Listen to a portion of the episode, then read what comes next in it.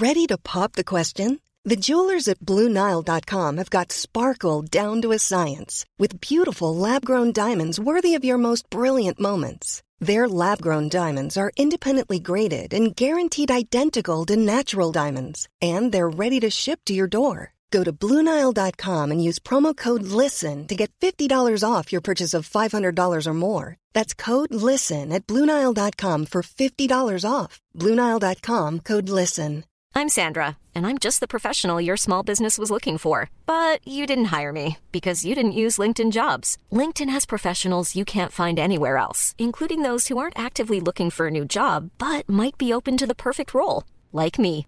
In a given month, over 70% of LinkedIn users don't visit other leading job sites. So if you're not looking on LinkedIn, you'll miss out on great candidates like Sandra. Start hiring professionals like a professional. Post your free job on linkedin.com/people slash people today. Cool fact a crocodile can't stick out its tongue. Also, you can get health insurance for a month or just under a year in some states. United Healthcare short term insurance plans, underwritten by Golden Rule Insurance Company, offer flexible, budget friendly coverage for you. Learn more at uh1.com.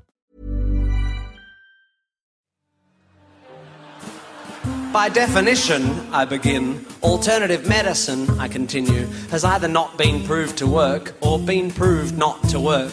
Do you know what they call alternative medicine that's been proved to work? Medicine.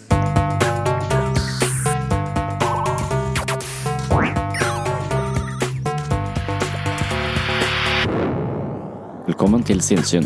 Jeg heter Sondre Risom Livre, er psykolog, og dette er Webpsykologens podkast. Hverdagspsykologi for fagfolk og folk flest.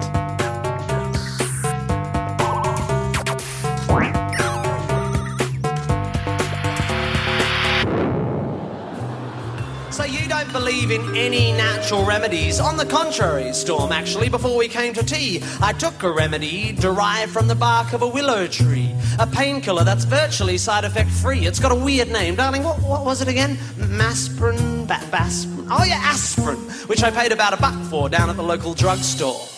The debate briefly abates as my hosts collect plates. But when they return with desserts, Storm pertly asserts Shakespeare said it first. There are more things in heaven and earth than exist in your philosophy. Science is just how we're trained to look at reality. It doesn't explain love or spirituality. How does science explain psychics, auras, the afterlife, the power of prayer? I'm becoming aware that I'm staring. I'm like a rabbit suddenly trapped in the blinding headlights of vacuous crap.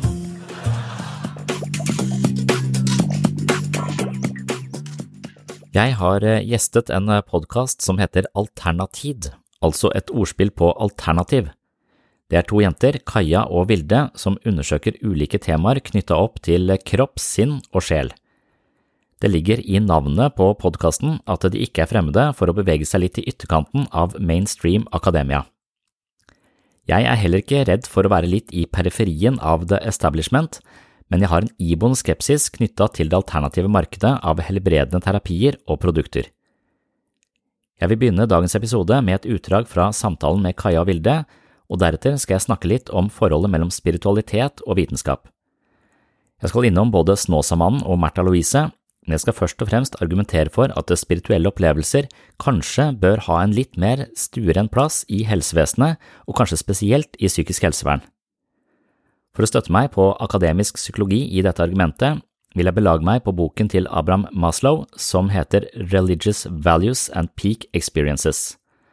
Men for å sette scenen for dagens episode skal du få høre et slags dikt fremført av Tim Minchin, hvor han går rett i strupen på dagens tematikk, altså forholdet mellom det alternative og det som gjerne kalles for skolemedisin. Hvor psykologien hører til i dette landskapet, er det mange meninger om, noe jeg kommer tilbake til i andre segment.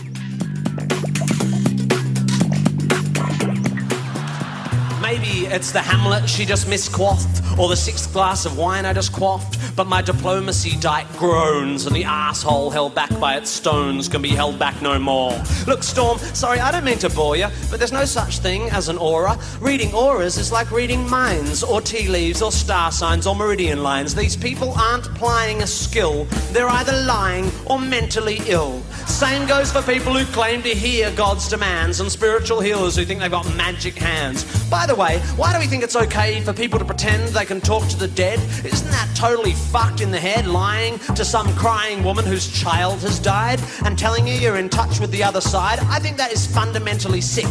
Do we need to clarify here that there's no such thing as a psychic? What are we fucking two? Do we actually think that Horton heard a who?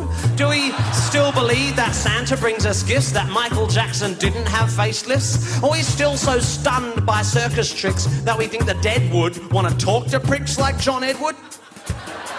Storm, to her credit, despite my derision, keeps firing off cliches with startling precision, like a sniper using bollocks for ammunition. You're so sure of your position, but you're just closed minded. I think you'll find that your faith in science and tests is just as blind as the faith of any fundamentalist. Wow, that's a good point. Let me think for a bit. Oh, wait, my mistake. That's absolute bullshit.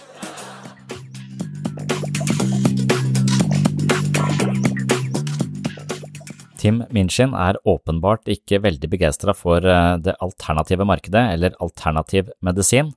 Det gir han ganske klart uttrykk for i dette stevet, eller hva man eh, skal kalle det. Min holdning til det alternative er eh, ikke fullt så negativ som Tim Minchin. Jeg mener at man bør ha et åpent sinn, men ikke så åpent at hjernen faller ut, for å parafrasere Richard Dawkins. Spiritualitet er noe jeg har undersøkt i mange år, det er noe jeg har vært interessert i, og spesielt religion har jeg vært eh, veldig interessert i. Og jeg mener jo etter hvert at eh, jeg har eh, klart å dempe min egen arroganse til en viss grad, og innser at et rent naturvitenskapelig paradigme iallfall kan gå glipp av en del viktige subjektive elementer og opplevelser som ikke nødvendigvis blir forklart på noen bedre måte hvis vi plukker det fra hverandre i naturvitenskapens navn. Så det er utgangspunktet mitt når jeg møter eh, Kaja og Vilde.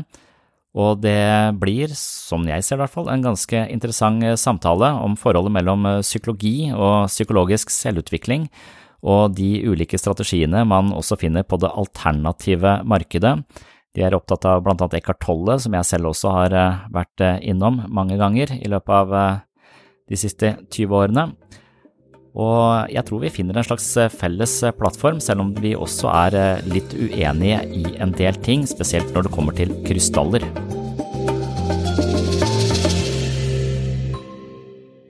Hei, hei, og velkommen til denne episoden av Alternatid. I dag så hadde vi egentlig tenkt til å ha en prateepisode, men så fikk vi muligheten til å snakke med en psykolog som heter Sondre Risholm Liverød, eh, som driver en nettside som heter eh, Webpsykologene, og har en podkast som man kaller for eh, Sinnssyn. og grunnen til at vi kontaktet Sondre, var fordi jeg har vært innom nettsiden hans, og han skriver mye om um, følelsespsykologi, han skriver om mindfulness, han skriver, har en artikkel som heter 'Kan spiritualitet bli vitenskapelig?'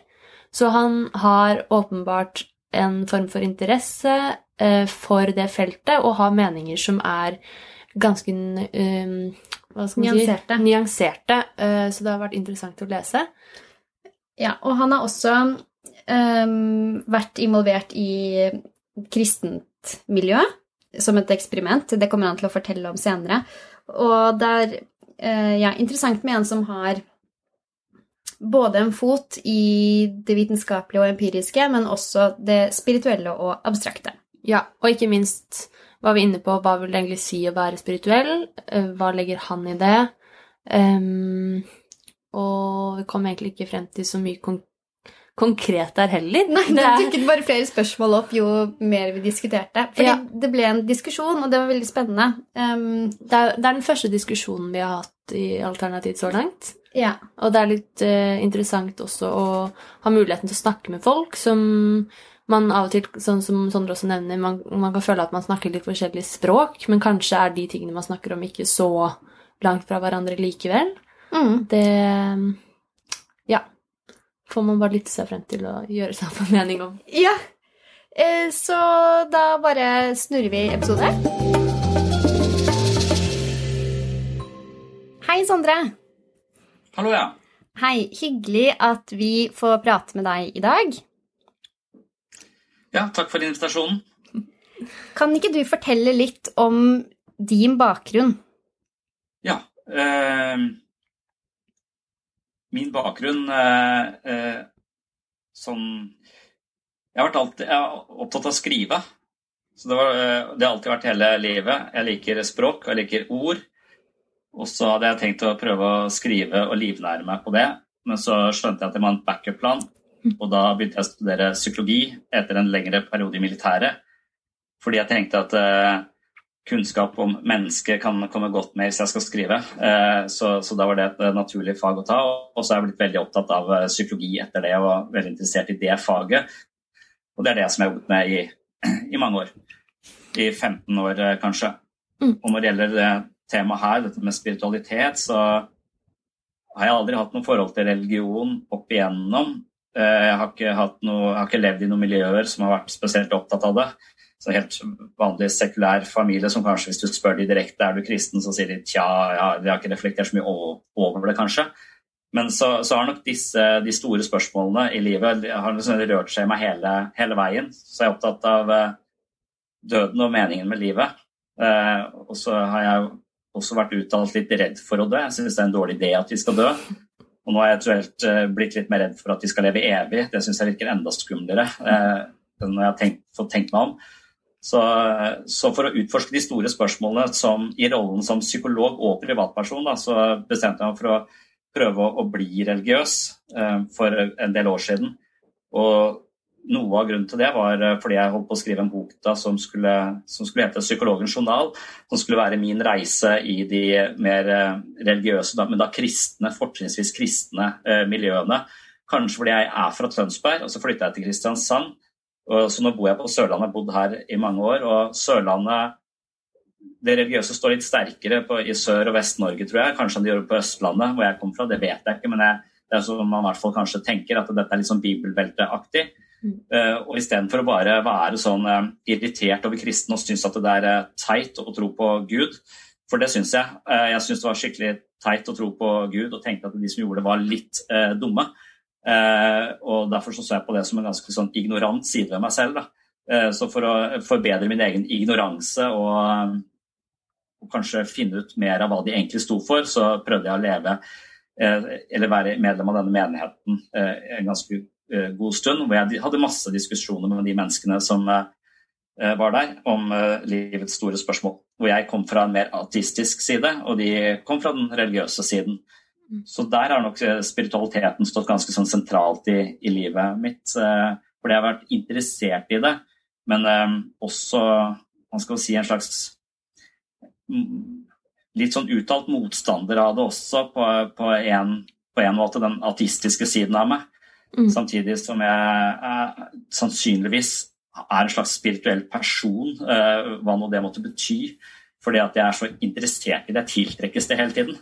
Eh, men gjerne fra pga. sikkert mange år på universitetet blitt veldig sånn at det, jeg trenger forklaringer, jeg trenger ganske tydelige forklaringer. Men psykologien ligger jo, den er ikke så materiell, så psykologien løfter jo ting opp fra det helt håndfaste til det litt mer metafysiske, i hvert fall. Eh, så Derfor så ligger kanskje psykologi og filosofi i dette spenningsfeltet mellom eh, det mer naturvitenskapelige, materielle, materialistiske og det mer åndelige perspektivet, muligens. Mm. Så du, du, prøvde altså å være kristen i fem år? Jeg prøvde og prøvde. Jeg prøvde å forstå hvordan de tenkte. Jeg prøvde alle mine motargumenter i bibelgrupper. Eh, jeg var på gudstjenester. Var uh, sånne små menigheter her, sånne frikirkelige menigheter. Det er et ganske mye mer aktivt miljø enn det å gå i en statskirke. Uh, Så, så dette, dette, er mennesker som som er ganske sånn tett knytta sammen. Uh, ganske gode relasjoner. Noen av disse menighetene, sånn type Knutby, blir jo helt på trynet. Det er jo i media det er jo en dokumentar nå. Så, men det er også en sånn pinsemenighet, da, sånn frikirkelig pinsemenighet, så de kan jo gå helt ut av kurs. Men de fleste er jo ganske edruelige og har et eh, forhold til Eh, kristendom, men de, de, har eh, ofte veldig fokus på barn, og de har eh, masse arrangementer. Så, så det er et, et, helt lite miljø, og det finnes jo mange av de, flere av de her på Sørlandet tror jeg, enn det gjør andre steder. Så det er, det er fellesskap der som ganske, står ganske sterkt, og så det er veldig mye positivt ved. Mm. Men påvirket det din tro? Klarte du etter hvert Fordi det høres ut som du forholdt deg litt distansert til det. At du liksom mm. utforsket det fra avstand. Mm. Men klarte du etter hvert å, å tro på det, eller gjorde det noe med ditt livssyn? Det gjorde meg litt mer opplyst, kan man si, og det gjorde at jeg fikk kultivert min interesse for eh, det spirituelle, noe som også sannsynligvis forandra meg en del. Men jeg tror ikke det grunnleggende sett forandrer min eh, holdning til, eh, til Gud. Jeg tror ikke eh, på Gud. I beste fall så må jeg være agnostisk, for jeg kan ikke vite. Eh, men, men jeg tror nok at eh, jeg avslutter den boka som jeg skrev ut ifra det her, at jeg hadde egentlig tenkt å melde meg ut av statskirken, men det har jeg ikke tenkt å gjøre likevel. Fordi jeg mener at det finnes eh, fortellinger i disse store tradisjonene som er en slags sånn urmenneskelige fortellinger om det å, eh, å leve, det å stå i utfordringer, det å være i relasjoner. Det å, så så det, det finnes så mye klokskap i de fortellingene hvis vi klarer å lodde dybden i de. Men det betyr at vi kan ikke tro på de. Eller vi, vi, vi må tro på de som eh, Hva skal man si Som eh, livsveiledere mer enn som eh, faktiske forhold. Og det er der vi skiller lag. ikke sant? Det er der, jeg, jeg, ønsker å leve i en Hvis jeg skulle vært en menighet, skulle vært en menighet som, som hadde en slags metaforisk distanse til, eh, til uh, fortellingene. Mm. Uh, Så istedenfor å tro at uh, Jesus sto opp fra de døde, uh, og Jesus ble hentet på korset, så, så kan man se all symbolikken i det med et kors og det å stå opp og det å bli svikta av sine nærmeste, eh, det å leve så godt man kan, men likevel gå fullstendig til, til grunne. Men så, så, så mer slags bilde på menneskets ego, på menneskets eh, eh, på en måte Vi gjør så godt vi kan, og så blir det plutselig helt svart. Vi blir svikta, vi går ned med flagget, vi blir deprimerte, vi får angst. Alt blir eh, totalt mørkt. Men så er det kanskje mulig å reorganisere seg, komme seg ut av dette mørket eh, og ha lært noe av det. Og da står du opp igjen som et nytt menneske. Mm. Eh, så, så det å dø og så stå opp igjen, det er egentlig psykoterapiens vesen også. Liksom du tror du var helt udugelig, du tror du er mindre verdt enn andre mennesker, og så skjønner du etter hvert at det er fordi at jeg har blitt kritisert hele, hele livet. Så jeg har blitt på en måte lært til å tro at jeg ikke er god nok. Og når jeg da eh, innser at dette her er eh, korrupte ideer som andre mennesker har installert i huet mitt, som er jeg plutselig Hvem er jeg nå? Og da dør du litt, for du kan ikke lenger forholde deg til den du var før, og så må du stå opp igjen som en ny person. Når, I beste fall da, så kan du stå opp fra de døde. Du kan stå opp fra denne dårlige selvfølelsen og fødes inn i en annen måte å se seg selv på, men det er smertefullt. og Det er litt som å dø. Hvem er jeg nå? Da, da, da faller du helt fritt. Så, så, at det er en, så at vi kan se på alle disse store fortellingene som bilder på det å være menneske. Og hvis vi klarer å lodde dybden i de fortellingene på den måten, så er det utrolig mye eh, kurativ kraft der. For du kan godt si til mennesket at ja, du må tenke annerledes. Tenker, så, men, men, det å fortelle historier, det treffer oss i hjertet mer enn i hodet. Mm. Eh, og det har jeg nok litt troa på. Jeg har nok troa på at uh, fortellinger treffer oss i hjertet. Og det var jo kanskje før man hadde skriftspråk osv. Så også, så, så har fortellinger på en måte de, de, beveger noe annet. Så det er lettere for meg å, å knytte kontakt eh, eller bare fokusere mer på sønnen min når jeg drømmer at jeg mister han på natta enn når jeg vet at oi, nå har jeg litt liten tid til han, så nå må jeg sånn og sånn. Altså fornuften min. Men når jeg virkelig får det i hjertet, jeg tenker å faen, jeg kan miste han. Eh, Jeg drømte at jeg mista han i en stor by. Så, så er det mer motiverende. Det er en narrativ som, som treffer meg på en annen måte. Så det, så det spirituelle endrer ikke min tro på at jeg, jeg tror ikke at eh, jeg, jeg er naturvitenskapelig orientert. Jeg tror at, at de fleste ting eh, har en slags eh, naturlig opprinnelse.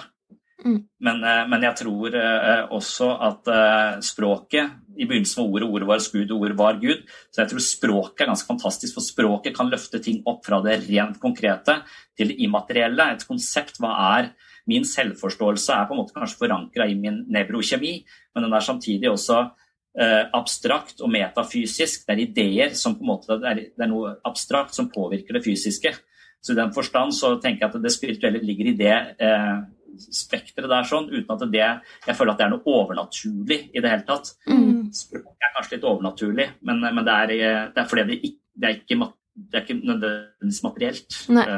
Eh, Og, nå har du fortalt om det at du gikk fra å være ateist til å prøve å leve som kristen, og at du sier at du også har en dragning mot uh, det spirituelle, men at du også har en, en sånn naturvitenskapelig tilnærming til det, da, som noe som ikke nødvendigvis er så mystisk eller eh, knyttet til religion, da, for eksempel. Og både jeg og Vilde er jo innforstått med det at vi mener jo at man kan være spirituell, og at de fleste mennesker, om, altså om ikke alle, er det og har den dimensjonen ved seg. Og så vil jo det å være religiøs eh, være på en måte en, en retning du tar, da. Um, ut fra det. Ja. Um, og så er det uh, syns vi det er veldig gøy å snakke med deg i dag, siden du også er psykolog. Um, og du har en side som heter Webpsykologene, hvor du, som du sier, du er opptatt av tekst, du skriver mange artikler, og blant dem Eh, noen om mindfulness, om new age, om spiritualitet. Um, og da, der har du en artikkel som heter 'Kan spiritualitet bli vitenskapelig?' Um, og toucher litt inn på dette med spiritualitet i forhold til behandlingsformer. Um, har du lyst til å, å, si litt om det? Ja Spiritualitet kan vel ikke Altså, det, det kan nok hende at du ødelegger noe ved å gjøre det vitenskapelig. At ved å plukke ting fra hverandre, så er det noe med helheten i det eh, som, som, forsvinner. Så du kan jo forklare kjærlighet ut ifra ren biologi og overlevelsesmekanismer og eh, på en måte Hva heter det sånne lukter og forskjellige ting som trekker mennesker sammen rent mekanisk.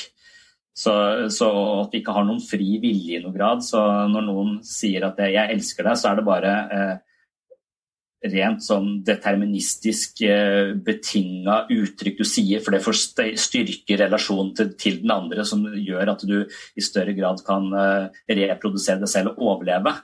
Og Hvis du ser kjærlighet på den måten, så, så er det ikke noe spesielt romantisk, i hvert fall.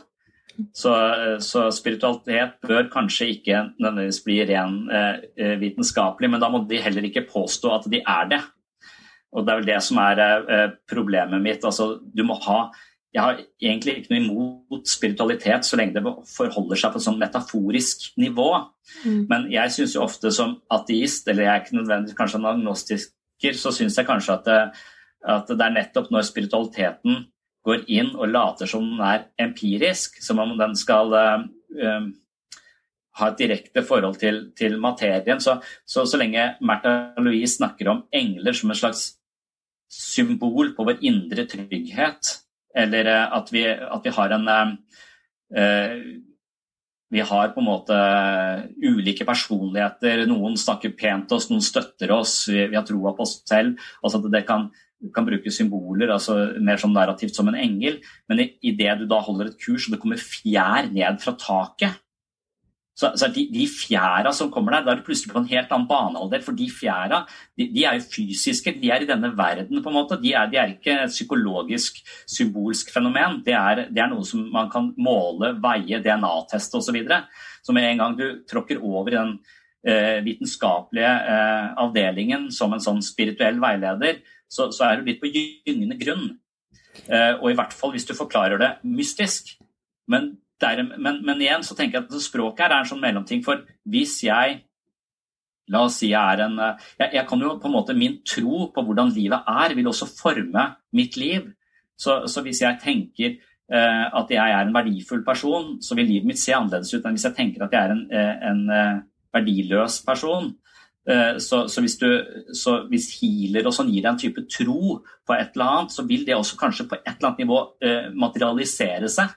Eh, så, så, kan du se for seg at jeg, jeg hvis jeg, La oss si jeg har helseangst, da, at jeg hele tiden monitorerer min egen kropp og tror at jeg er syk og driver og løper ned dørene hos fastlegen min hele tida. Eh, og til slutt så er han så lei av meg, og så nekter jeg å gå til Ingvar Wilhelmsen. Eh, for det mener jeg han undergraver. Men så, da kan du sende at La oss si denne fastlegen bestemmer seg for nå skal jeg lure han Sondre, for nå er jeg så lei at han kommer hit, så nå skal jeg gi ham en bøtte med 2000 fluortabletter. Så kan han ta en hver dag, så får han litt sterkere tenner. Eh, og så sier at det er sånn, så sier jeg at han har en sykdom. Og det kan hende at jeg føler meg forstått, jeg får disse pillene, og uh, all angsten min dempes. Når angsten min dempes, så bruker kroppen mindre energi, og så, og så, er jeg på en måte Så på en eller annen måte så vil denne troen på at nå er jeg ivaretatt, nå har jeg noe som fungerer, det fungerer faktisk. Fluortablettene gjør meg sunnere. Det er Det kan hende fluor er skadelig for den saks skyld, men men det er fordi at jeg har, eh, har klokketro på at nå, nå, er jeg ivaretatt, på en måte. Så troen vår har en slags uh, Placeboeffekt? Hæ?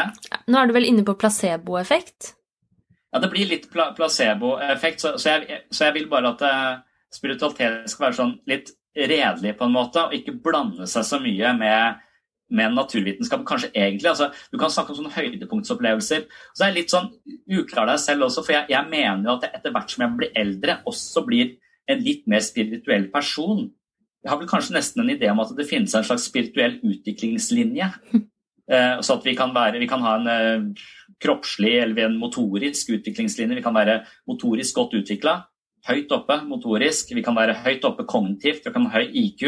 Vi kan være emosjonelt veldig kloke. Eh, vi kan være relasjonelt veldig kloke, men så kan vi kanskje være spirituelt veldig kloke. Og Jeg vil jo foreslå at kanskje de som virkelig har meditert i tusenvis av timer og bor i Tibet, sannsynligvis har en ganske høy spirituell intelligens. Eh, men så vil jeg kanskje påstå at den kristne tradisjonen har eh, en litt mindre altså litt færre sånne selvutviklingsteknikker som kan brukes, og at de tror på litt sånne banale fortellinger konkret, fysisk. Så de, de har liksom så det er en kritikk mot kristendom at det finnes, det finnes også, også sånne litt mystikere innenfor kristendommen som er på et langt høyere nivå enn du finner i sånn Så, så det er forskjellig fra, fra tradisjon til tradisjon. Mm. Men det du sier er egentlig at spiritualitet ikke kan bli vitenskapelig, da? Eh, jeg, jeg, tror at Når du gjør det vitenskapelig, så kan du forstå hva som foregår. Men jeg tror kanskje du du eh, mister noe av kvaliteten ved det.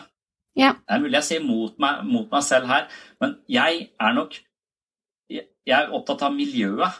Altså, jeg synes at det, Og det, det, plager meg bare mer og mer. Hvis det er noe som holder meg oppe på natta, så er det, så er det miljøet og, og klima. Eh, og jeg, jeg, tenker vel at eh, i den grad jeg føler meg religiøs, så er det mye mer i kontakt med naturen enn i Ja, kanskje når jeg er i Nidarosdomen, så blir jeg religiøs. Uh, men, men, men, det å ha et slags sånn uh, kjærlighetsforhold til naturen og oppleve naturen, det tar meg liksom ut av dette hverdagslige kjaset og maset. Og jeg vet at det å reconnecte med naturen for meg er utrolig eh, givende. Det gir meg ekstremt mye. Og jeg er sikker på at det kan man forklare på en ganske naturlig måte, men det tar ikke vekk den følelsen at det er noe ekstraordinært ved å være i naturen og oppleve naturen. Og det har jeg gjenopptaket pga. korona, for da var jeg nødt til å være så mye med barna mine i skogen. Vi kunne ikke være på lekeplasser, for der var det mm. smitte osv. Så, videre. så Så jeg føler nok at det spirituelle um, handler om noe subjektivt. Altså, Vi to kan lese samme bok, og du kan elske boka, jeg kan hate boka, eller motsatt. Uh, betyr, vi, men ut ifra våre opplevelser kan vi ikke avgjøre om det, den boka er uh, det er kanskje en eller annen litteraturviter som kan si hvor god denne boka er, sånn objektivt sett. Det spiller egentlig ikke noen rolle for oss, for du har den opplevelsen og jeg har en annen opplevelse. Så, så jeg tror nok at det spirituelle bør være på et slags opplevelsesnivå. Men Det å lære seg å ha noen sånne opplevelsesnivåer hvor du virkelig kan eh, kanskje kultivere ditt eget sinn og ikke bare være opptatt av kjas og mas det jeg kaller objektspill. Da. Få, eh, hverdagslivet som tjener penger, kjøpe det, få det. Mm. Eh, så jeg liker spiritualitet i den graden den eh, kultiverer en form for stillhet og ro. Eh, mm. Men hvis du driver med spiritualitet bare for å bli, komme høyere på en eller annen, i et eller annet hierarki, eller oppnå ditt eller oppnå datt, så, så ligner det på et sånt mystisk med, eller objektspill som, som jeg syns er litt sånn teit. Mm. Ta disse krystallene du, altså, Med en gang de materialiserer seg. Det bør være noe det bør være mer sofistikert enn som så. Så Derfor så er det alternativ mest så er for meg litt sånn mye svada. Eh, også helt sikkert noen eh, veldig flotte perspektiver og, og personer inni der som, som, har det spirituelle på, en, på en moden måte. Men jeg, jeg, tror akkurat som alle andre utviklingslinjer da, så kan det være totalt klønete motorisk. Men med en gang du trener, så blir du bedre. Så kanskje spiritualitet også er det. At det er en utviklingslinje, en, en måte vi kan kultivere, noe vi kan trene opp og bli, bli bedre på. Mm. Og sånn sett så mener jeg kanskje at eh, Vesten sliter litt der. Og rent sånn, rent sånn vitenskapsteoretisk så, så vil det sånn som Habermas snakke om en kolonisering av livsverden. Eh, for de mente at denne naturvitenskapen kom inn og mente den skulle løse alle problemer og overtok på alle områder. Eh, og det ble en, det han kaller en kolonisering av livsverden. At vi får en sånn veldig mekanisk fokus på alt og alle. Og det, det, det gjør oss fattige i ånden, på en måte. Og Det betyr ikke at ånden da er noe guddommelig, noe som er overjordisk. Det betyr bare at det er andre dimensjoner ved livet som også spiller en veldig viktig rolle. Mm. Eh, og, så, og, det er jeg nok enig i, da. Mm, yeah. så, men så, så, er jeg liksom så redd for det hele tiden, for, for det er mye ved det New Age-aktige greiene som jeg også er eh, særdeles kritisk til. Eh. Mm. Det var første del av samtalen med Vilde og Kaja. Andre del av samtalen kommer i neste episode her på Sinnssyn. Nå skal jeg forsøke å reflektere over følgende spørsmål. Kan spiritualitet bli vitenskapelig? Science adjusts its views based on what's observed. Faith is the denial of observation so that belief can be preserved. If you show me that, say, homeopathy works, then I will change my mind. I will spin on a fucking dime. I'll be as embarrassed as hell, but I will run through the streets yelling, It's a miracle! Take physics and bin it. Water has memory, and whilst its memory of a long lost drop of onion juice seems infinite, it somehow forgets all the poo it's had in it. You show me that it works and how it works, and when I've recovered from the shock, I will take a compass and carve fancy that on the side of my cock. Ja, det var eh, Tim Minchin igjen, som eh, altså ikke er eh, veldig begeistra for det alternativet, og man må vel si en ganske sånn militant eh, motstander av eh, alternativ medisin og homopati og alt det som eh, dette markedet inneholder. Han forfekter en form for naturvitenskap eh, med en eh, humoristisk og ganske kraftig røst. Jeg skulle også ønske at for eksempel Märtha Louise ikke snakka med engler, men om spiritualitet i en naturalistisk eh, kontekst, iallfall en litt mer naturalistisk kontekst. Kan vitenskap egentlig nøytralisere åndelighet og gjøre fenomenet mindre mystisk og tilgjengelig for alle? For som eh, Tim Minchin eh, poengterer, hvis dette her er etterrettelig, hvis det fungerer på en eller annen måte og vi forstår hvordan det fungerer, så er det ikke lenger snakk om alternativ medisin, men medisin. Altså alle metoder som på en eller annen måte har en eh, helsebringende effekt, bør jo fram i lyset, og da er det ikke noen grunn til at det skal gjemme seg i det alternative markedet og kun være tilgjengelige for de som eh, gjester alternativmessa en gang i året. Så da skal jeg se litt på uh, dette spørsmålet, kan spiritualitet bli vitenskapelig? Universitets- og høyskolerådet i Norge har flere generelle krav til vitenskapelige publikasjoner, og ett av disse kravene er at man presenterer ny innsikt, og at denne innsikten er etterprøvbar eller anvendelig i ny forskning. Mange av de alternative behandlingsmetodene og ulike strategiene innenfor healing tilfredsstiller ikke disse kravene. De blir dermed skjøvet ut av det gode selskap og belemres med et kvakksalversk omdømme. Dersom alternative behandlingsmetoder virkelig har noe ved seg, er det synd at de ikke inkluderes i et anerkjent helsetilbud som gjøres tilgjengelig for alle. Jeg vil mene at behandlere som utvikler kurative behandlingsmetoder, har en slags moralsk plikt til å gjøre sine teknikker tilgjengelig for innsyn og forskning. Det er kun gjennom kontrollerte studier at teknikkene kan komme hele befolkningen til gode og det er kun på denne måten vi kan luke ut uredelige aktører som spiller på menneskets godtroenhet og skor seg på andres ulykke. Med dette argumentet møter jeg ofte motstand. Det blir sagt at healing ikke kan bevises eller etterprøves i tradisjonell forstand. Naturvitenskapen er for sneversynt og reduksjonistisk til å innfange den subtile åndeligheten som ligger til grunn for denne behandlingsformen. Det er et vesentlig innslag av spiritualitet i disse behandlingsformene, og derfor passer de ikke inn i klassisk fysikk. Jeg er delvis uenig i dette. I denne delen av episoden skal jeg argumentere for at spiritualitet også kan være gjenstand for forskning. Jeg vil også påstå at åndelige opplevelser ikke nødvendigvis kun er et privat eller subjektivt fenomen, men et fenomen som potensielt sett er tilgjengelig for alle mennesker. Jeg vil ikke gå inn i spørsmålet om hvorvidt dette er avhengig av en bestemt gud, men påstå at spirituelle opplevelser har visse felles karakteristika på tvers av religiøs praksis. Det viser seg at mange mennesker rapporterer de samme opplevelsene når de beskriver åndelighet, og allerede der begynner vi å skimte mulighetene til en mer etterrettelig forståelse av hva spiritualitet egentlig innebærer. Åndelighet eller åndelige opplevelser er interessante i forhold til psykologi, fordi jeg tror at eh, mye av eh, fremtidens behandlingsmetoder kan hente inspirasjon fra ulike spirituelle selvutviklingsteknikker. Dypest sett tror jeg at dette handler om mental balanse og indre ro. Det handler om å komme på avstand til hverdagslivets krav og kontinuerlige utfordringer. Det handler om å fange øyeblikket og ikke alltid la seg bekymre av tanker om fremtiden eller la seg trykke ned av minner fra fortiden.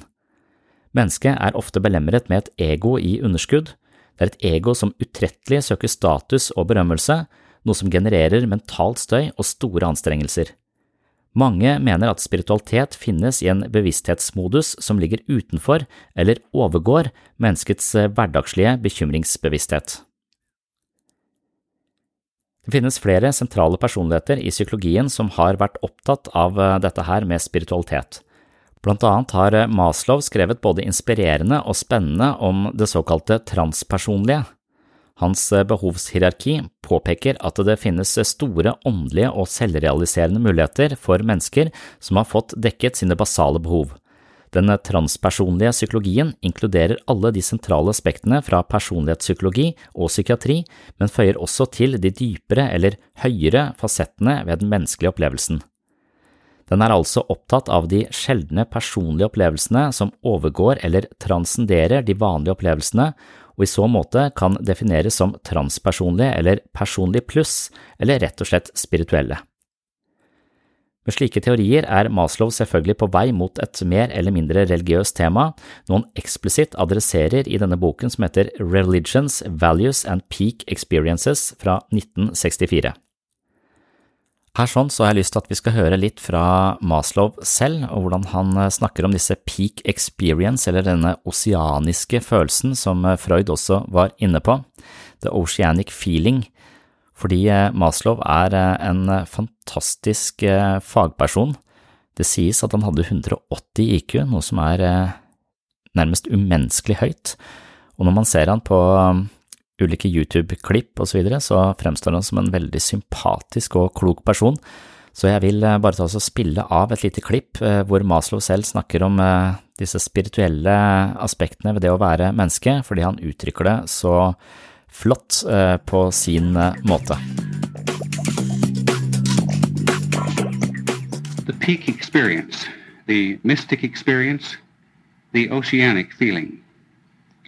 Feelings of limitless horizons opening up to the vision, the feeling of being simultaneously more powerful and more helpless than one ever was before, the feeling of great ecstasy and wonder and awe, the loss of placing in time and space with, and finally the conviction that something extremely important and valuable has happened. Yeah, it's a very good thing for a person. magic moments uh, in, in, an article I read today, they were called. Well, uh, there is some history uh, here which I think would be of interest. In my subjects at first, what I stumbled across, this I wasn't looking for, were what I had to call mystic experiences. There were reports of such experiences. And I had come into this uh, investigation with the normal equipment of the normal person of the culture, thinking that mystical experiences happen to one saint, you know, every century or something like that. And here I kept, uh, people would talk to me in the same words as Saint Teresa or Meister Eckhart or some of these other people that I'd read, uh, the famous mystics. Well, I've put it down that way and uh, but then kept on discovering uh, more and more that these came from many triggers. Uh, they came from all kinds of sources, uh, from the love experience or the the uh, being on top of a mountain or just being taken over by music or somebody going along a seashore and then just going into this state. And I had to generalize it And furthermore, I had to strip it of its traditionally, historically religious, specifically religious meaning, because it turned out not to be. Uh, the peak experiences came from many, many things, many triggers. Uh, once I tried to generalize them as anything that moves, anything that comes close to perfection. A, an experience of perfection will produce a peak experience. Whether in uh, athletics, in one of my subjects, uh, a young man breaking through with the ball into an open field and then running uh, down the field and reporting in the same words that ancient mystics had used. This was a 17-year-old boy. Um, or uh, totally stumbling across this by the purest accident of the women in natural childbirth reporting ecstasies, of mystic experiences or peak experiences. So what I want to do is to generalize that. I found since that uh, peak experiences uh, do not occur, they're not the exclusive prerogative of one pantheon of, of, of people, uh, but they occur uh, very widely through the population. It looks now, uh, and a, a, preliminary statement would be that the higher the degree of psychological health, the greater the frequency of peak experiences, the higher they reach, uh, the uh, more intense uh, they are, and the more illuminated, that is, the more cognitive they are, the more you learn from them. Uh, if you see the world in the peak experience in, in a more pure form, uh, this can be remembered. Uh, some people do remember, some people don't remember. Uh, the people who do remember tend to be changed, uh, just as the ancient mystics reported. Prinsesse Märtha Louise snakker om engler som hjelper mennesker i deres livsprosjekter. Hun snakker om spirituelle åpninger og et liv på den andre siden. Det er snakk om å kommunisere med de døde og dermed influere på forholdet mellom liv og død. Denne typen retorikk mener jeg kan være uheldig i mange sammenhenger. Når hun bruker ord som engler, vil det hos mange gi assosiasjoner til gammel overtro, magisk kvakksalveri eller religiøs forfektelse som henger sammen med menneskets uvitenhet og dødsangst. Imidlertid mener jeg at hun fører et langt mer konstruktivt språkbruk når hun snakker om å leve i nuet, livsbevissthet eller evnen til å absorberes i øyeblikket. Her bruker hun begreper som blant annet er sentrale i østlige visdomstradisjoner, og disse begrepene er det flere seriøse mennesker som forsøker å jobbe inn i vårt vestlige vokabular. Denne jobben er viktig nettopp fordi det er mye innsikt og potensial for selvutvikling i disse tradisjonene, men vi må passe på at vi begrenser de religiøse undertonene. Så lenge de spirituelle bedriftene betinges av én bestemt gud eller et bestemt religiøst kodeverk, risikerer det å bli et eksklusivt anliggende for de rettroende. Mange av de religiøse tradisjonene, eller de store visdomstradisjonene, har en innebygd selvutviklingspraksis som henspiller på de åndelige sidene ved mennesket. Jeg vil påstå at disse kan brukes av de fleste, og tidvis med god helsegevinst, uten at man forplikter seg til en eller annen religiøs programerklæring. Av den grunn reagerer jeg negativt når prinsessen snakker om engler, og tilsvarende positivt når hun snakker om å leve i øyeblikket, mindfulness eller livsbevissthet, nettopp fordi jeg oppfatter sistnevnte som langt mer nøytrale begreper. Boken Englenes hemmeligheter handler egentlig om ganske mye forskjellig. Blant annet inneholder den syv hemmeligheter som vi ønsker å dele med deg. Den omhandler ulike måter du kan kontakte englene, og englene også kontakter deg på. I det å kunne gjøre det subtile ørlite grann mer konkret. Blant annet har jeg erfart veldig i mitt liv at når jeg kjenner sånn sitring i toppen av hodet, så vet jeg at jeg er i kontakt med englene. Vi har med personlige historier, og vi har med øvelser og meditasjoner som kan få deg også til å komme i kontakt med englene, om du vil det. Og finne din unike kommunikasjon med dem. Religion er verdilada, mens vitenskap er mer nøytralt. Religion er full av moralkoder, etiske retningslinjer og inkorporerte holdninger til mennesket, noe vitenskapen i langt større grad er fri for. Dermed ønsker jeg meg en situasjon hvor de sidene ved menneskelivet som Maslow snakker om i toppen av behovshierarkiet, og de sidene som i andre sammenhenger kalles religiøse eller spirituelle, kan bli en del av et mer vitenskapelig språkspill, eller kanskje et mer nøytralt språkspill som ikke er beheftet med gamle dogmer, utdaterte verdenssyn eller fastlåste verdisystemer. Hvis de åndelige, transpersonlige, spirituelle, mer holistiske og altruistiske, mindre egosentriske og smålige eller høydepunktsaktige opplevelsene ved det å være menneske var tilgjengelige i en mer nøytral form, tror jeg det hadde vært et gode. De som tilhører ulike spirituelle tradisjoner, kan fortsette innenfor sitt rammeverk og kanskje anerkjenne at de jobber på de samme fasettene av mennesket som andre tradisjoner som ikke nødvendigvis sverger til den samme livsfilosofien. Jeg ønsker meg et eh, ryddig rammeverk for selvrealisering eller spirituelle dimensjoner ved vår væren i verden, først og fremst fordi det kan bidra til å gjøre disse mulighetene ved vår eksistens tilgjengelig for allmennheten på tvers av andektige overbevisninger. Men dersom mitt ønske skal ha noe håp om å bli en realitet, betinger det at vi faktisk kan innlemme spiritualitet i en mer nøytral språkdrakt og hvis jeg skal få muligheten til å implementere det i helsevesenet, må det også tåle å stå til rette for de mer eller mindre vitenskapelige kravene man har til evidensbasert praksis i den kliniske konteksten. Og da er spørsmål igjen, er det mulig å behandle spiritualitet som et mer vitenskapelig anliggende? Jeg mener vel egentlig ja, men jeg har også en del forbehold og betenkeligheter, noe jeg også var inne på i samtalen med Kaja og Vilde. Når det gjelder forholdet mellom vitenskap og religion, er det mange teoretikere som har undersøkt dette. I denne sammenhengen er det fire ståsteder som alminneligvis inntas. Noen forutsetter et bittert fiendeskap mellom religion og vitenskap. Her finner vi blant andre professor Richard Dawkins, som mener at religion bygger på en forferdelig fabel med katastrofale konsekvenser for den menneskelige eksistens og ikke minst sameksistens. Science is interesting, and if you don't agree, you can fuck off.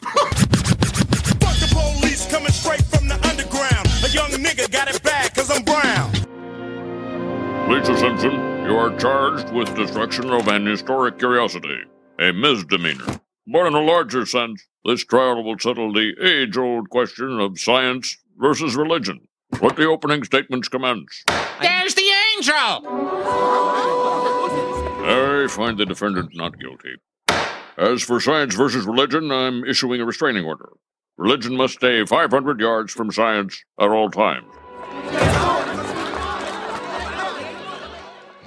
Fra sitt eh, vitenskapelige ståsted forfekter eh, Richard Dawkins at eh, religion best betraktes som et virus på det menneskelige sinnelag og en begrensning på våre utviklingsmuligheter. Andre hevder derimot at det forholdet mellom religion og vitenskap kan sameksistere på en fredfull måte. Ifølge den fremragende fysikeren Albert Einstein er det ikke noe grunnlag for en konflikt mellom religion og vitenskap, ganske enkelt fordi de to disiplinene handler om helt forskjellige aspekter ved tilværelsen. Einstein betrakter seg selv som en mystiker, eller betraktet seg selv som en mystiker, og dermed avviste han monoteistiske religioner, men beholdt troen på en slags åndelig side ved livets mysterier. Einstein er svært kjent for følgende sitat. A conflict between science and religion cannot exist. Science without religion is lame. Religion without science is blind. Atter andre forfekter en gjensidig påvirkning og utveksling mellom religion og vitenskap. I et slikt perspektiv ser man for seg at eh, det åndelige og det vitenskapelige er to forskjellige vinduer mot verden. Det er gjennom disse vinduene mennesker betrakter universet og forsøker å forstå de store sammenhengene. Vinduene gir helt forskjellig utsyn til verden, men det er like fullt den samme verden man betrakter. Det betyr at eh, verken religion eller vitenskap kan påberope seg en suveren verdensanskuelse, men snarere komplementerer hverandre på en måte som er helt avgjørende for utviklingen av den menneskelige erkjennelse. Det finnes også de som forsøker å integrere religion og vitenskap, men ofte ender det opp som et uholdbart sammensurium. Når religion skal bli vitenskapelig og vitenskap skal bli åndelig, risikerer man et kompaniskap hvor ingen av partene ytes rettferdighet, men snarere undergraves og betvinges av den andres verdisystem eller mangel på sådanne. Ready to pop the question? The jewelers at BlueNile.com have got sparkle down to a science with beautiful lab grown diamonds worthy of your most brilliant moments. Their lab grown diamonds are independently graded and guaranteed identical to natural diamonds, and they're ready to ship to your door. Go to BlueNile.com and use promo code LISTEN to get $50 off your purchase of $500 or more. That's code LISTEN at BlueNile.com for $50 off. BlueNile.com code LISTEN. Ever catch yourself eating the same flavorless dinner three days in a row? Dreaming of something better? Well, HelloFresh is your guilt free dream come true, baby. It's me, Kiki Palmer. Let's wake up those taste buds with hot, juicy pecan crusted chicken or garlic butter shrimp scampi. Mm. Hello Fresh. Stop dreaming of all the delicious possibilities and dig in at HelloFresh.com. Let's get this dinner party started. Many of us have those stubborn pounds that seem impossible to lose, no matter how good we eat or how hard we work out. My solution is PlushCare. PlushCare is a leading telehealth provider with doctors who are there for you day and night to partner with you in your weight loss journey. They can prescribe FDA-approved weight loss medications like Wagovi and Zepbound for those who qualify. Plus, they accept most insurance plans. To get started, visit plushcare.com slash weight loss. That's plushcare.com slash weight loss. Dette har jo også vært eh, blant mine viktigste ankepunkter når det kommer til spiritualitet. Jeg eh, har eh, sans for spiritualitet når det brukes på en slags abstrakt, subjektiv måte, som symboler for indre styrke og psykologisk velvære, men med en gang denne spiritualiteten forankrer seg i den materielle virkeligheten, og man ser engler eller snakker med engler eller snakker med de døde, så blir jeg skeptisk med en gang. Jeg syns ikke at det spirituelle skal spille på denne empiriske banehalvdelen, for da blir de gjenstand for empiriske undersøkelser. Enten så har disse krystallene en rent faktisk fungering i virkeligheten. Hvis du holder krystallen i høyre hånd om natta, så blir du kvitt kreft. Det er en type årsaks-virkningssammenheng der som er, er nødt til å undersøkes rent empirisk. Enten så stråler denne steinen ut en eller annen helbredende vibrasjon, eller så gjør den ikke det, altså er det, da er det troen på, på steinen. Så man bør, jeg, jeg synes det blir komplisert når man driver og sammenblander disse tingene. Det har også vært min viktigste kritikk av Märtha Louise, altså så lenge hun snakker om livsbevissthet og meditasjon og indre trygghet og styrke og så videre, så er det helt greit, men med en gang hun holder et kurs hvor det faller englefjær ned fra taket, så har du plutselig fysiske manifestasjoner av engler. Du har englefjær, og de bør DNA-testes, og da er du over på naturvitenskapens banehalvdel. Og på den banehalvdelen så tror jeg ikke man gjør det så skarpt, med mindre man da faktisk har englefjær, noe som vil være koblingen mellom menneskeverden og engleverden, og da uhyre interessant for en hel haug av forskere, og da folk som er opptatt av DNA-analyser videre. Hva er slektskapet mellom engler og mennesker? Det vil være interessant. Men for meg så er det på et område som er ikke seriøst nok til å vie så altfor mye oppmerksomhet, da. Jeg synes at spiritualitet og vitenskap sannsynligvis spiller med helt ulike erkjennelsesteoretiske utgangspunkt. Hva som er sant og ikke sant innenfor disse disiplinene er helt forskjellig. Hva kriteriene for sannhet er, er også helt forskjellig, så det er helt ulike språk, språkspill, helt ulike eh, kriterier for hvordan man eh, ser verden og måler verden og forstår verden. Og at de kan komplementere hverandre, det er jeg ganske sikker på, men at de skal blandes sammen, det er jeg mer usikker på. Så har du dette her som blant andre Einstein er kjent for. Han er kanskje først og fremst en fysiker og en kvantefysiker som forsto ting ingen andre klarte å forstå, men siden har prøvd å lære seg. Men når det kommer til det åndelige, så er det mange som kaller Einstein for en slags mystiker. Og da er spørsmålet hva er egentlig denne mystisismen? Og åndelig søkende mennesker som ikke finner seg til rette i etablerte religiøse systemer, vil jeg her kalle en mystiker. Mystikerne kan altså ikke betraktes som religiøse i alminnelig forstand, men han eller hun er åndelig søkende, Det er kanskje på dette området at Einstein befant seg. Han eh, var sterk motstander av organisert eh, religion, og ikke på noen måte noen tilhenger av eh, monoteismen eller Abrahamsreligionene, men at det fantes sider ved vår eksistens som hadde et mer åndelig tilsnitt, det var han ikke helt fremmed for. Så mystikeren opplever at de allmenne formene for religion kommer til kort, og likeledes er eh, vedkommende langt ifra overbevist om at vitenskapen kan forklare virkeligheten på en totalt tilfredsstillende måte. Ken Wilberg snakker eh, imidlertid om en mystisisme som faktisk er etterprøvbar eller beviselig, men det er ikke det samme som å etterprøve et bestemt eksperiment i et laboratorium.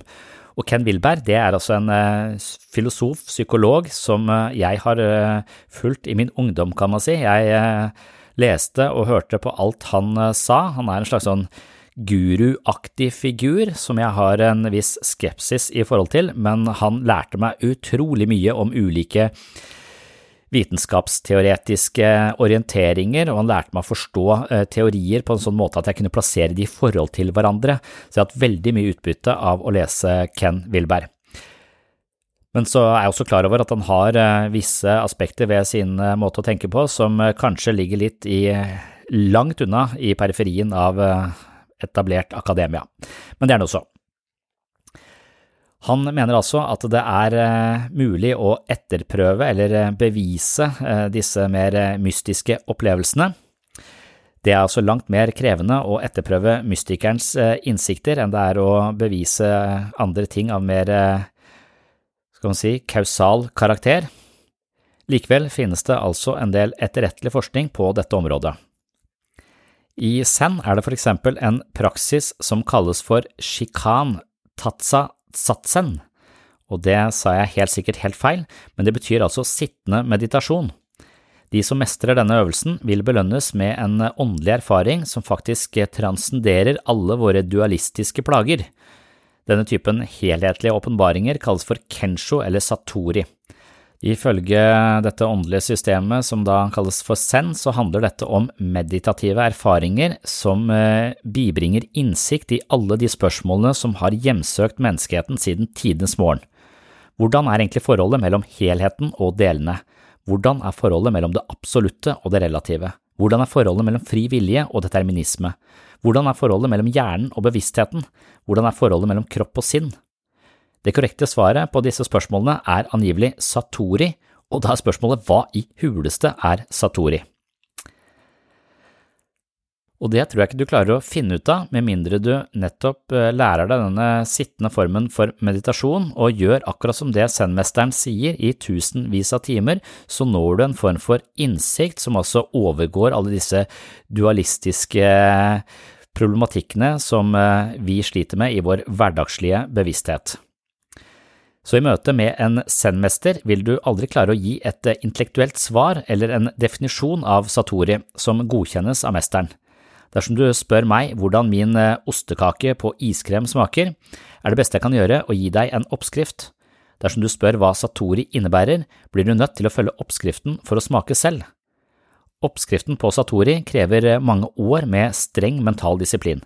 Dersom du virkelig ønsker Kensho og Satori innsikt, må du rett og slett stole på at den krevende meditasjonspraksisen ikke fører deg inn i et eh, psykologisk kollaps, men snarere åpenbarer tilværelsens sanne ansikt. Og det gjør den, angivelig, dersom du følger oppskriften eh, til disse zen-mesterne.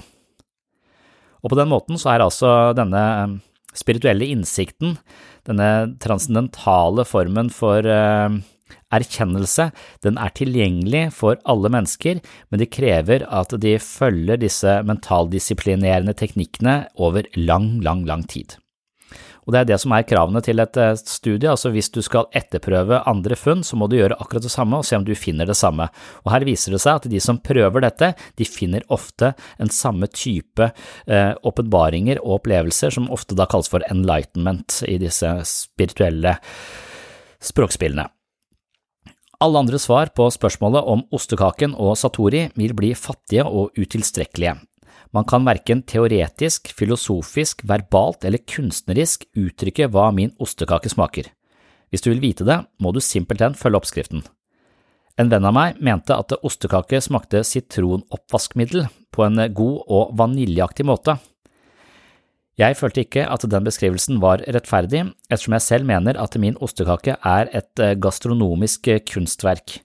Litt på samme måte er det gjort noen forsøk på å definere satori, og et av de bedre forsøkene fins hos professor i buddhistiske studier, Peter Harvey, hvor satori eller kensho beskrives som a blissful realization where a person's inner nature, the originally pure mind, is directly known as an illuminating emptiness, a thusness which is dynamic and immanent in the world. Man snakker her om en erkjennelse av sitt sanne selv og en direkte helhetlig erfaring av opplevelsen mellom subjekt og objekt. Og beklager denne språkbøken, men det er ikke lett å formidle disse Kensho Satori-innsiktene, fordi de rett og slett ikke lar seg innfange i språket, og for da å kunne få en smak på hva det dreier seg om, så må du følge oppskriften disse zen-mesterne simpelthen. Innenfor zen-buddhismen foregår det omfattende studier på erfaringer av Kensho og Satori. Det er mennesker som gjennomgår de lavere nivåene av selvutviklingspraksis og deretter bestreber seg på sittende meditasjon i mange år. Deres erfaringer rapporteres nøye, og dårlige, delvise eller upresise beskrivelser forkastes. Meditasjonen undersøkes både fra en fenomenologisk vinkel, rapport av subjektive erfaringer, men også ved å studere hjerneaktiviteten hos de kompetente utøverne av zen. Her finner vi altså et eh, åndelig utviklingssystem som aktivt følger kravene til valid kunnskapsutvikling. Det er sannsynligvis derfor Zen har opparbeidet seg et ganske godt rykte innenfor spirituelle studier og selvutvikling. Her er det spesielt i boka til eh, Daniel Goldman som heter eh, destruktive følelser, hvor han eh, er på dette Mind and Life Institute, hvor disse hjerneforskerne sitter og snakker, snakker med blant andre Daila Lama og flere av disse zen-mesterne som eh, virkelig har eh, mestret denne meditasjonspraksisen til det fulle, og hva foregår egentlig inni huet på disse folka. Så her er det den fenomenologiske opplevelsen, opplevelsen av å være eh, opplyst eller i fullstendig mental balanse og på et sånt nivå at forholdet mellom objekt og subjekt på en måte har smelta sammen. Den opplevelsen den har også et slags nevralt korrelat, og her prøver man å bygge bro mellom naturvitenskap, den fenomenologiske delen av disse opplevelsene, og denne praksisen som skal føre til disse åpenbaringene. Og det er et utrolig interessant eh, fora, hvor eh, de store eh, personlighetene innenfor helt ulike disipliner forsøker å bygge bro mellom, mellom de urgamle visdomstradisjonene og den mer naturvitenskapelige avdelingen innenfor våre eh, erkjennelsesmessige aktiviteter. Så den boka anbefaler jeg, altså Destruktive følelser av Daniel Goldman. Daniel Goldman han er vel egentlig eh, filosof, men han er altså med i disse foraene og skriver bøker om det, og han skriver på en veldig fin måte, så det er eh, interessant å, å følge disse diskusjonene som foregår mellom eh, det åndelige, spirituelle og det mer naturvitenskapelige. Og så er det dette med mindfulness, som også er en praksis hentet fra de østlige visdomstradisjonene, men eh, man har funnet ut at de har eh, kurativ kraft, og derfor så har man prøvd å inkludere de i det gode selskap og forsket på det og gitt eh, en type utforming som passer inn i et mer vestlig system og her er det blant andre psykiateren Marsha Linehan og professor Jon Kabat-Zinn som har jobba med å innføre et eh, konsept som da kalles for mindfulness, eh, og de har da klart å inkludere dette mindfulness-begrepet i psykiatrisk behandling og som en integrert del av en mer helhetlig psykoterapeutisk praksis. Og dette har de altså henta fra buddhistiske tradisjoner. Det betyr at elementer av zen faktisk praktiseres og læres bort på offentlige sykehus verden over, Linehans behandlingsmanual for alvorlige psykiske lidelser er evidensbasert og testet flere ganger innenfor psykoterapiforskning. Resultatene viser at Zen-inspirerte behandlingsmetoder for følelsesmessig ustabilitet, angst, uro og destruktive livsmønstre har en signifikant kurativ effekt. Og det vet vi jo her eh, som jeg jobber også, så vi har eh, egne mindfulness-grupper og forsøker å starte veldig mange av gruppene våre med en kort økt i meditasjon. Hvis du er mer interessert i dette med mindfulness og oppmerksomhetstrening, så har jeg skrevet en del om det på Webpsykologen.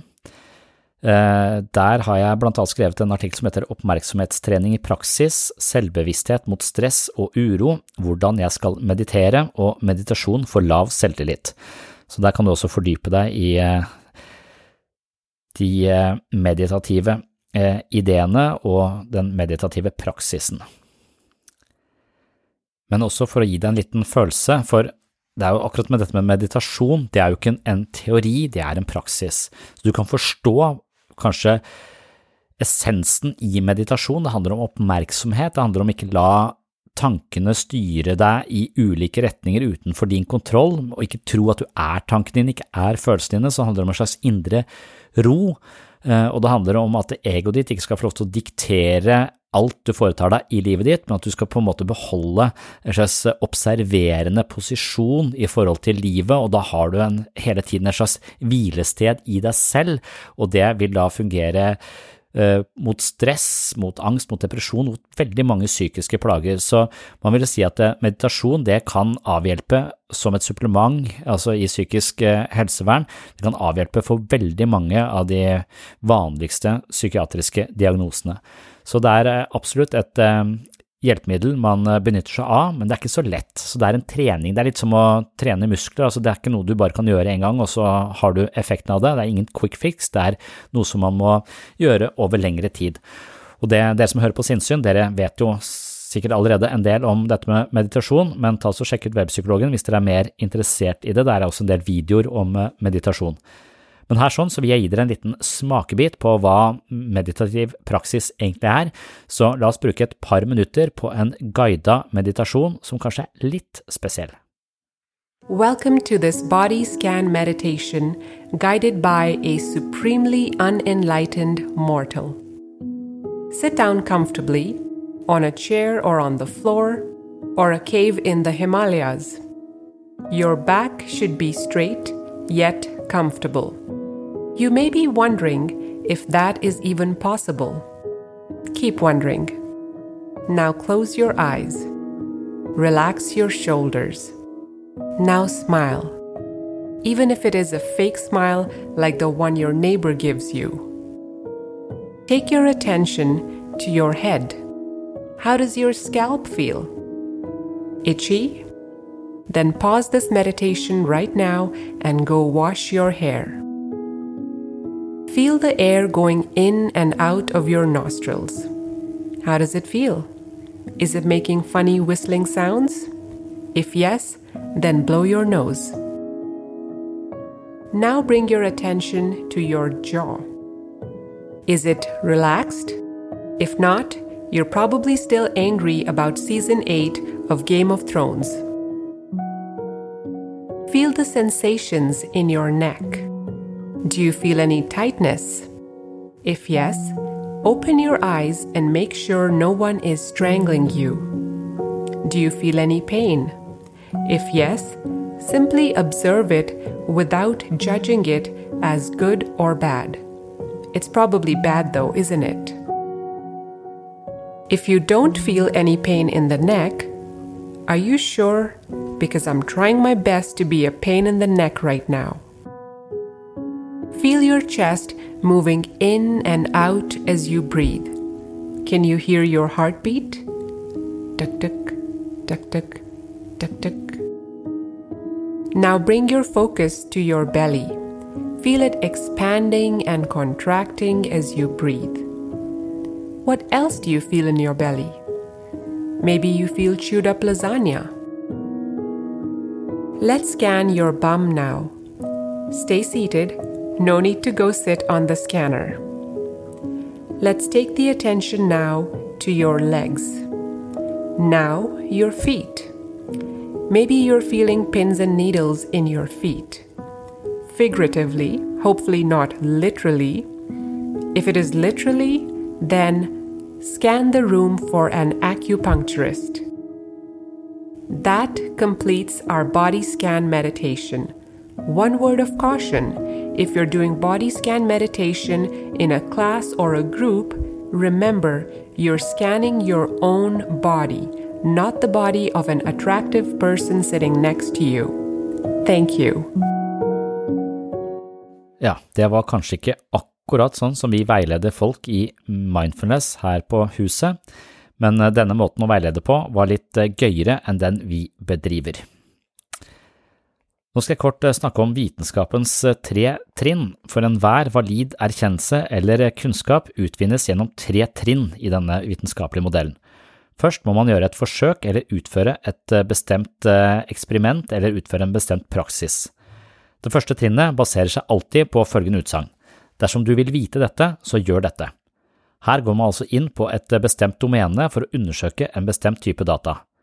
Deretter må man registrere erfaringene, opplevelsene eller bevisene man finner gjennom datainnsamlingen. Det er trinn nummer to i jakten på valid kunnskap. Siste trinn handler om å verifisere sine funn. Her må man eh, konsultere kretsen av autoriteter på området som har gjennomført den samme praksisen tidligere. Spørsmålet er da om ny data kan verifiseres eller falsifiseres. Og dette her er ganske viktig, altså de funnene, det vi mener å si noe om, det må vi også kunne være parat til å eh, bevise, eller det må kunne være mulig å få de samme resultatene ved å gjøre det samme som vi har gjort. Og hvis flere kan finne ut at ja, hvis vi gjør sånn og sånn, så får vi det og det resultatet, så kan man si at dette her er forholdsvis valid data. Men så kommer det kanskje nye eksperimenter som viser at ja, men det er noe med konteksten her som gjør at dere fikk de resultatene, derfor kan dere ikke si at dette er like generaliserbart som dere påstår i utgangspunktet, og så må man modifisere de påstandene man kommer med. Så sånn vil eh, ny kunnskap hele tiden eh, på en måte bearbeides og, og modereres ut ifra nye funn. og Derfor så mener man at eh, vitenskapen er en ganske ydmyk si, en ydmyk disiplin. Den er hele tiden parat til å endre seg og endre synspunkter i takt med ny data. Og hvis man er ydmyk nok til å utsette det man mener å vite for denne typen trinnvis eh, undersøkelse, så vil man også bli inkludert i det gode selskap, og da kan man også si at det vi mener å vite her, det viser seg å fungere i mange eh, sammenhenger, og derfor så kan vi eh, foreløpig tenke at dette er god praksis, eller eventuelt at det er dårlig praksis. Og de alternative behandlingsformene er vel litt kjent for å hoppe bukk over disse tre trinnene, og dermed så kommer det ofte litt løse påstander fra folk som har noen personlige erfaringer eller har opplevd at en venninne, bla, bla, bla, og da, det er da du kommer over i dette kvakksalverlandskapet. Og Det er ikke dermed sagt at alt alternativt er kvakksalveraktig, men eh, de er foreløpig ikke vært eh, gjennom disse tre trinnene i denne vitenskapelige trappetrinnsmodellen som kreves for at eh, vi skal kunne få valid kunnskap. Så det er da på denne måten man skaper eller systematiserer ny kunnskap. Kravet til vitenskap er at resultatene er etterprøvbare, noe Zen altså åpner for i det spirituelle domenet. Det vil si at de lager systemer og metoder som eh, skal føre til et bestemt sted, og de som gjennomfører disse metodene og utøver denne praksisen i så og så lang tid, de vil da kunne verifisere at denne opplevelsen som er beskrevet der, det stemmer at jeg får den ved å gå denne, eh, denne veien. Og det er interessant, for da, da inkluderer man jo på sett og vis det spirituelle eh, i det mer vitenskapelige språkspillet, og da blir man mer stuerein, og når man blir mer stuerein, så kan vi altså bruke disse metodene i offentlig helsevesen, og da blir de tilgjengelige for alle. Og det synes jeg er eh, det synes jeg er noe ryddig rundt det, at, eh, at, de metodene som faktisk funker, de må vi sjekke om er valide, og hvis de er valide, så må de tilbys folk flest, ikke bare de som besøker alternativmessa. Så ny kunnskap og erfaringer er dermed ikke forbeholdt den eh, eksakte eh, vitenskapen. Det kan også være tilgjengelig å ha en viss funksjon på de mer spirituelle domenene av det å være menneske. I hvert fall eh, i disse Zen-tradisjonene og denne kretsen rundt spesielt kanskje Dalai Lama og, og dette Mind and Life Institute. Vi kan gjøre oss eh, sensoriske erfaringer, mentale erfaringer og spirituelle erfaringer, og enhver spesifikk påstand innenfor disse feltene kan potensielt sett etterprøves. Ken Wilberg påpeker at en tolkning av Hamlet som en hyllest til krig vil falsifiseres som en direkte feilaktig forståelse av de fleste mennesker som kjenner til Shakespeare.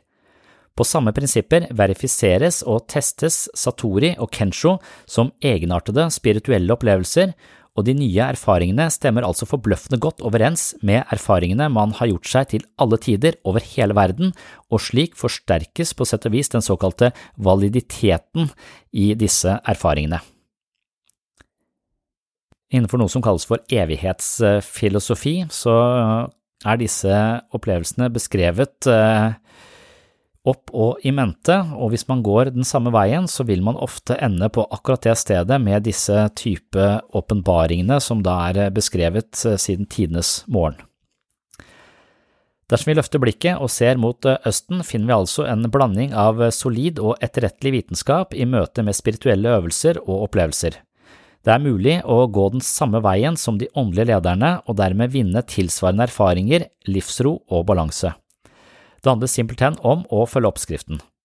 På tilsvarende måte må man følge den samme oppskriften eller forsøksdesignet som tidligere forskere dersom man vil etterprøve deres funn og resultater. I prinsippet er det ikke noe i veien for å gjøre det samme på det mer åndelige området, men det er selvfølgelig atskillig mer krevende. Jeg mener imidlertid at dette er en viktig oppgave som bør prioriteres, kanskje først og fremst fordi en slik bestrebelse kan gjøre disse åndelige selvutviklingsmetodene, eller denne formen for selvrealisering, for å bruke Maslows begrep, mer tilgjengelig og akseptert. Det handler både om å gjøre spiritualitet mer etterrettelig, mindre mystisk, mer nøytralt og mindre religiøst forpliktende. Det tror jeg ikke man oppnår ved å snakke om engler eller gå i dialog med de døde. Y'all believe in ghosts? You believe in that? You what about mediums? You think you can talk to the dead? You don't think that's real? You don't think you can go to a medium for twenty dollars and pull up your dead grandmama on FaceTime? See what's cracking in the afterlife? If talking to the dead is real, at minimum it's rude. It's disrespectful. Fuck you bothering people in heaven. I'm dead. What the fuck else do you want? It's rude. You dead. You in heaven having a good time. Barbecue, lap dances. Here come the waiter. Oh, yes, you have a call on the earth phone. You, you, but you do see people talking to the dead. They ain't asking no important questions. Nobody talks to the dead and ask important shit. It's all self-serving, emotional. Well, uh, uh, ask him if he misses me. Uh, what color was the dress? You're talking to a goddamn spirit in the fifth dimension and you giving him account security questions. Ask some real shit. Talking to a spirit, the only question is is there a guest list and can you add me to it? Trying to get into heaven. That's all I'm trying to do. Det var det jeg hadde for i dag. Takk for at du fulgte med så langt. Takk til eh, Kaja og Vilde for eh, samtalen om eh, spiritualitet og psykologi. Du får andre del av denne samtalen i neste episode her på Sinnsyn, eller i hvert fall i løpet av noen få uker. Mulig det kommer noen episoder innimellom her, men jeg skal følge opp og spille av resten av samtalen rundt et litt annet tema ganske snart.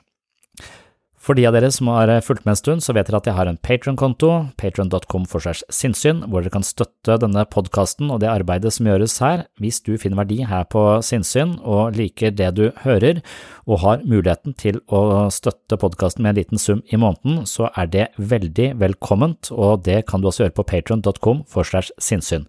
Som takk for din støtte så får du masse ekstramateriale fra Sinnsyn. Du får flere episoder hver måned, der inne er det mange øvelser, det er videomateriell som ikke er publisert noe annet sted, og jeg leser også mine egne bøker, Selvfølelsens psykologi, Jeg, meg selv og selvbildet og Psykologens journal, og så er det noen andre lydbøker på vei eh, der inne, så på Patron skjer det mye, der er det mye materiale, så for dere som eh, finner verdi her på sinnssyn og vil ha mer sinnssyn og har et ønske eller eh, muligheten til å støtte dette prosjektet, så er altså Patron stedet å gå. Tusen hjertelig takk til dere som allerede har eh, stiftet et abonnement på mitt mentale treningsstudio på Patron, for det er det jeg kaller det, et mentalt treningsstudio treningsstudio. Det skal være et sted hvor man får nye ideer om eh, det å være menneske, det å leve et godt liv, det å forstå seg selv, og så prøver jeg å ha øvelser hvor man skal klare å implementere denne innsikten i hverdagslivet, for det er viktig. Innsikt uten en eller annen strategi for å implementere det i livet ditt har ikke så mye for seg. Denne innsikten må brukes på en eller annen konstruktiv måte, og det er ofte utfordringen når det kommer til eh, selvutvikling og psykologi. Og Det håper jeg å gjøre noe med inne på Patron. Det er i hvert fall eh, målsetningen, og det er derfor jeg kaller det et mentalt treningsstudio. Takk for følget, takk til alle som har rata podkasten, takk til alle som har kjøpt bøkene mine på webpsykologen.no osv. Tusen hjertelig takk til alle Patron-supportere, og om ikke så lenge så kommer det en ny episode her på Sinnsyn, eller så kan du bare gå inn på Patron, få deg et abonnement og få masse ekstramateriale umiddelbart der inne. Det var det. Håper du henger med i neste episode. På gjenhør.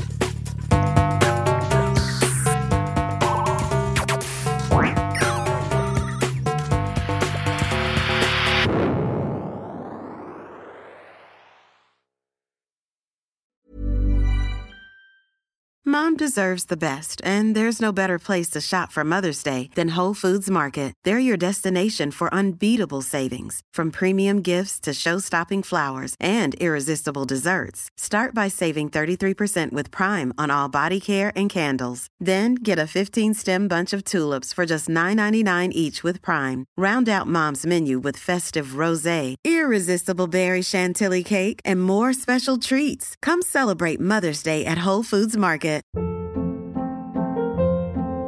Hold up. What was that? Boring. No flavor. That was as bad as those leftovers you ate all week. Kiki Palmer here, and it's time to say hello to something fresh and guilt-free. Hello Fresh. Jazz up dinner with pecan-crusted chicken or garlic butter shrimp scampi. Now that's music to my mouth. Hello Fresh. Let's get this dinner party started. Discover all the delicious possibilities at hellofresh.com. Hey, it's Paige DeSorbo from Giggly Squad. High quality fashion without the price tag. Say hello to Quince. I'm snagging high-end essentials like cozy cashmere sweaters, sleek leather jackets, fine jewelry, and so much more. With Quince being 50 to 80% less than similar brands. And they partner with factories that prioritize safe, ethical, and responsible manufacturing. I love that. Luxury quality within reach. Go to quince.com slash style to get free shipping and 365 day returns on your next order. Quince.com slash style.